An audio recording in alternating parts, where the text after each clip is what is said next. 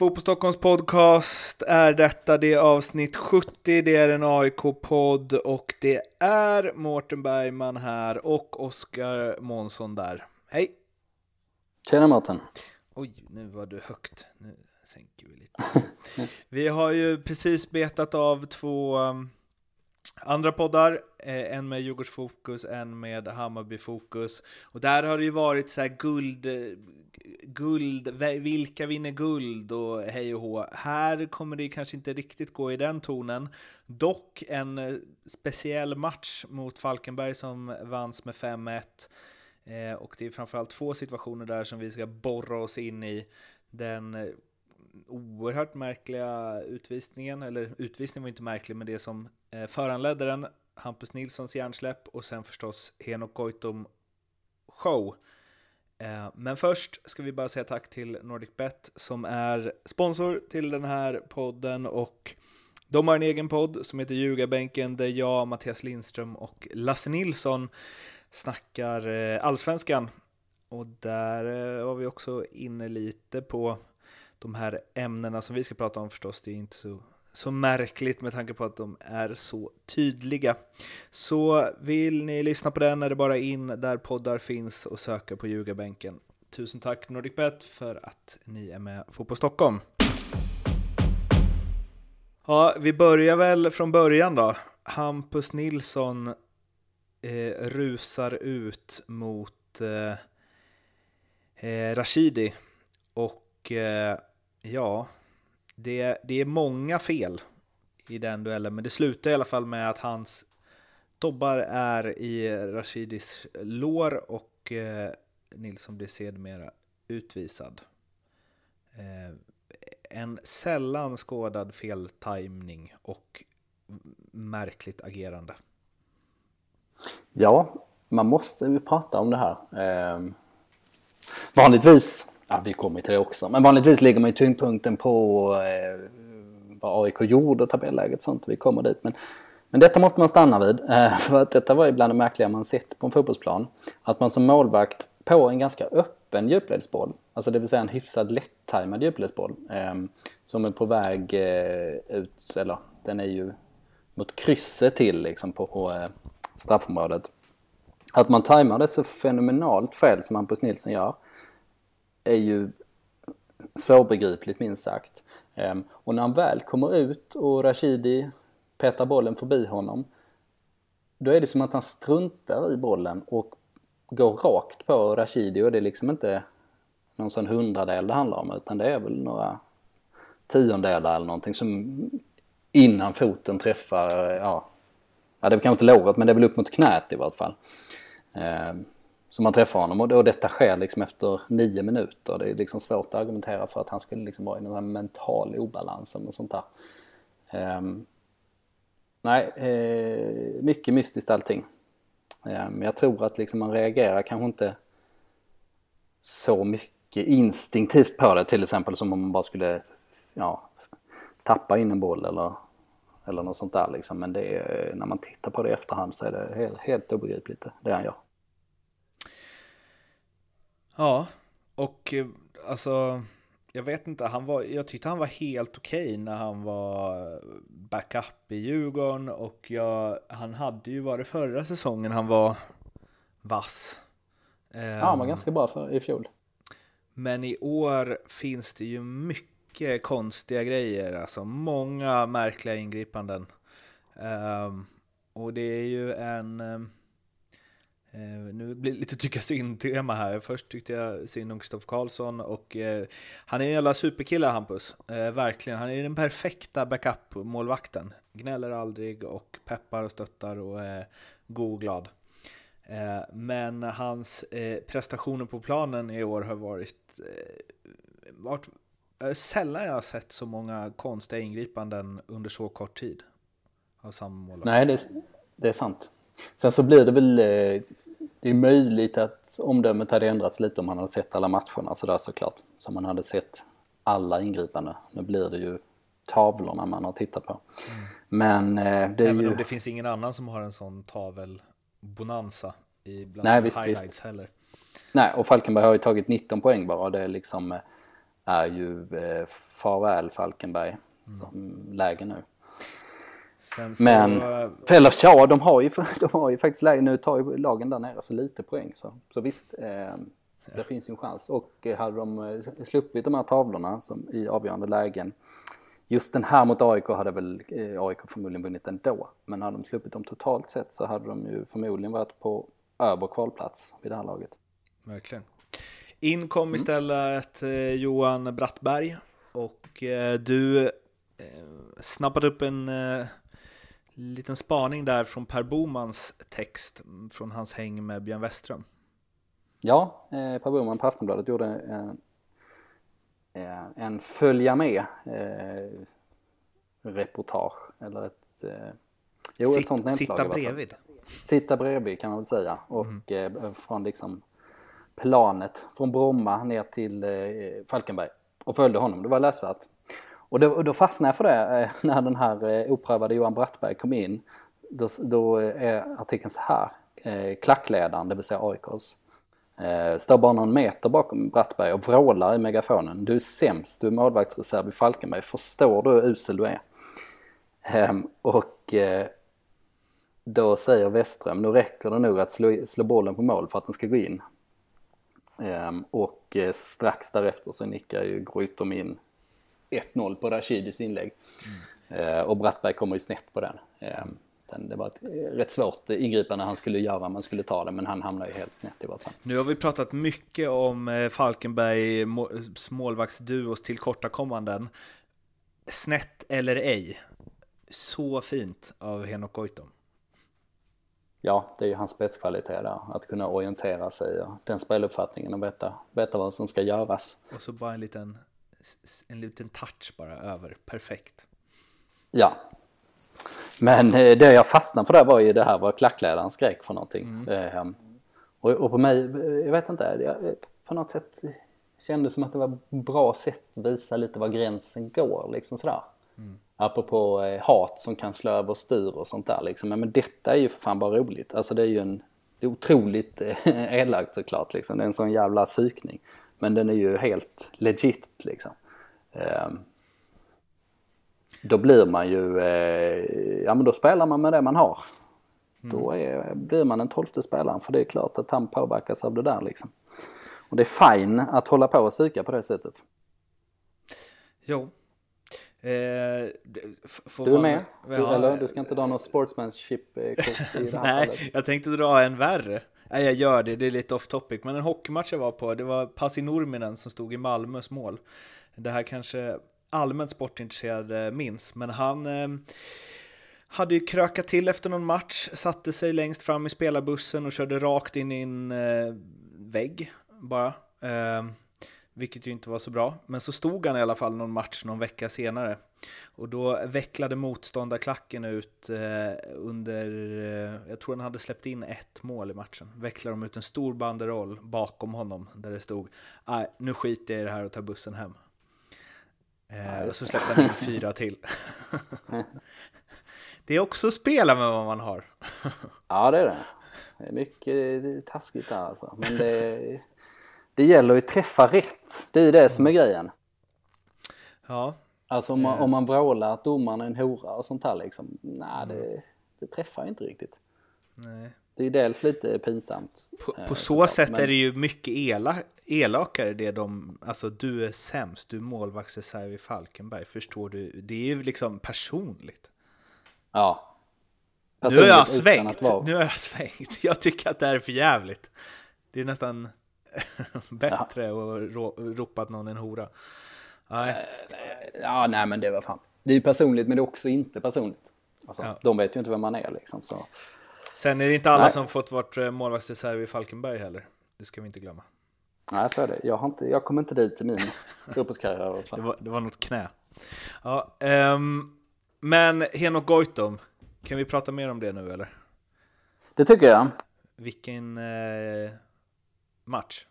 Ja, det var inte så svårt för oss att sätta betyg på honom i alla fall. På 1 till 5 skalan när man gör fyra mål och spelar fram till det femte.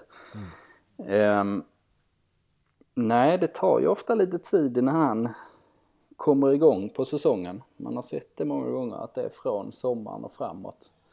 eh, som man är som allra bäst. Eh, och nu är ju Goitom 35 och har ett utgående kontrakt. Och AIK har eh, en ålderstigen trupp, de har lite att sälja, eh, de har en dyr trupp.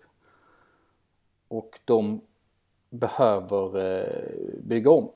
Antingen lite steg för steg med föryngringen och så vidare och fortsätta på det man har eller så som jag föreslog nu för ett par poddar sedan att man ska ta en ordentlig kursändring där man gör en radikal ja, förändring rent strategiskt sett. Ehm, och och eh, satsa på andra typer och så vidare och låter det ta lite tid. Men oavsett linje så finns det ju eh, tre av gubbarna eh, som är födda 84, 84 och 85 som man eh, måste behålla verkligen. Och det är ju centrallinjen där med Per Karlsson, Sebastian Larsson och Henok Goitom. Det finns, eh, så som jag ser det, inget att eh, tvivla på där. Och det är liksom de spelarna kommer ju vara bra oavsett vald linje. Jag tror till och med att en, en eh, Goitom kommer vara bättre om man väljer min linje. Eh, det vill säga att man ändrar eh, spelsätt ordentligt på ett, till ett mer eh, eh, kreativt och pro, proaktivt sätt att spela helt enkelt. Också kanske jag tänker om man, eh, alltså föryngringsgrejen. Jag tänker att det kan, eh, lite flummigt här, men att det kan förlänga deras karriärer också. De kommer få ännu mer ansvar, de kommer få väldigt viktig roll i laget oavsett om de inte alltid presterar på topp på planen. Alltså att det blir någon form av någon morot. Liksom. Ja, det tror jag. Spelmässigt, om vi håller oss till Goitom också, så tror jag att han eh, mår bra av, om man nu förenklar lite, men om man säger att yngre spelare är lite snabbare, liksom, eh, de, de är lite rappare. Han behöver ju speed runt sig. Eh, dels behöver han spela med hög spelförståelse eftersom han, eh, det är ju hans största tillgång själv och om han spelar med spelare som inte ligger så högt där som är bra på andra grejer då då faller ju eh, Goitom också lite grann liksom, för han är beroende av kombinationsspel och den här typen av grejer. Absolut, så absolut. Däremot är ju till exempel Obasi eh, är ju ett Eh, kapitel man får stänga. Nu är han skadad också, men där är en hög lön. En sån som Tadek El är lite eh, beroende på eh, motivation och andra faktorer och sånt där, vad han får för erbjudande och så. Ehm, han är ju jävligt bra och kan spela i många positioner men han är också dyr. Ehm, så då kan man ju fundera på om man kanske ska lägga de pengarna på något som man kan utveckla mer kanske. Ehm, ja, men de, eh, men de tre i de gubbarna, de ska, de ska vara kvar. För Tarik var ju ändå, det var inte jättelänge sedan man pratade om honom som att det var jättegivet att han skulle få ett längre kontrakt och att han liksom verkligen blivit AIK och han själv sa ju det i intervjun, eh, poddintervjun jag gjorde med honom att han verkligen brinner för klubben och att han hade kunnat tänka sig att stanna där resten av karriären och så. Um, det, det, men det har svängt lite utifrån att han, mm, jag vet inte, han får ju nästan aldrig spela på det, eller jag vet inte, han har liksom inte spelat på det som är hans bästa tillräckligt mycket. Nej, vilket ju också var det, gjorde det som gjorde att alla gillade honom. Ja, precis. Nej, men Tarek tror jag har, eh, eh, tänker sig att han har eh, ett bra kontrakt kvar. Eh, och det, det sa han ju i en intervju nyligen också, att han var sugen på en annan kultur och så vidare. Och det kan nog vara sant, men det kan ju också vara en omskrivning för att nu är jag sugen på ett stort kontrakt i ett jävligt eh, eller i en liga där man, där man får helt andra pengar mm. och så vidare. Så eh, det känns ju mycket troligt att det blir på det, på det sättet. Eh, och eh, han är ju tuff att, att förlora men å andra sidan eh, om det är en spelare som har hög lön och så vidare så kan man ersätta honom ganska bra. Känns det som. Jag läste ju upp en del i Hammarbypodden eh, på tal om, nej, i Djurgårdspodden på tal om alla domslut i Djurgården och Göteborg som förstås drabbar AIK också. och Då var det en AIK-supporter, Alexander Kersevic, som eh, skrev att straff eller offside, jag kan inte släppa Örebro borta, Göteborg borta, Sundsvall borta, Kalmar hemma, Elfsborg borta. Fem svaga lag, två av 15 poäng med den här truppen. Vi har tyvärr bara oss själva att skylla på. Och i den tråden så blev det en diskussion sen om hur AIK har spelat i år och återigen tillbaka till det här om de spelar för tråkigt eh, och för eh, ja, försiktigt och defensivt. Eh, och när du är inne på att man kanske borde byta det, eh, liksom att Goitom hade trivts bättre i det om han hade förlängt och haft en bättre roll i det, eh, etc. Bahoui hade kunnat få en eh, mycket bättre roll. Um, har AIK alltså nu ligger de ju i toppen, men så här, har de, för de har ju ett tungt spelarmaterial alltså. Om man ser till rutin och, vad, och löner och vad det är för spel, alltså när de mönstrar sin bästa elva. Eh, är det, har de fått ut för lite? Trots allt. Um, ja, totalt sett har de ju det. Mm. För att, uh, ja, kuppen är ju en sån liksom vinna eller inte på något sätt. Det gäller ju för alla lag. Eh, man, man kan ju säga lite som en bonus med tanke på att det bara är segern som, som räknas. Eh, men det gick ju inte och sen så Europa har vi pratat mycket om, misslyckande där. Eh, sen i serien, menar, sannolikt nu landar de på 62 poäng i vart fall. Eh, kanske 63, möjligtvis 65. och det är ju rätt bra. Så om man bara ser till serien så är det egentligen inte så mycket, alltså mycket att yvas om. Där tror jag att liksom omdömet eh, påverkar så jävligt mycket, alltså ett supporterperspektiv, i att eh, både Hammarby och Djurgården är före. Eh, och det kan man inte göra så mycket åt på något sätt. Alltså man kan bara, man kan bara samla poäng och se hur långt det räcker. Eh, det vill säga att det ska inte påverka omdömet. Alltså det är klart att det, det svider om, eh, om det nu blir så, vilket det ser ut. Ehm, för supportrarna. Men det, men det är ju inte konstruktivt att tänka på något, på något sätt. Man kan ju liksom inte, vad ska man göra då? Ska man liksom få panik och börja från, frångå sina strategier och sånt helt och hållet? Eh, så det, det tycker jag inte. Men totalt sett så är det ju inte en tillräckligt bra säsong och eh, guldet, vi har ju tagit den här statistiken i de andra poddarna, vi kan väl göra det också, och mm. även här. Eh, 538 som är en statistiksajt, amerikansk statistiksajt, nyhetsstatistiksajt kan man säga. Ehm, de litar vi på i vart fall. Ehm, de har då, godkännande. Ja, eh, Fotboll Stockholm eh, går i god. Ja, exakt.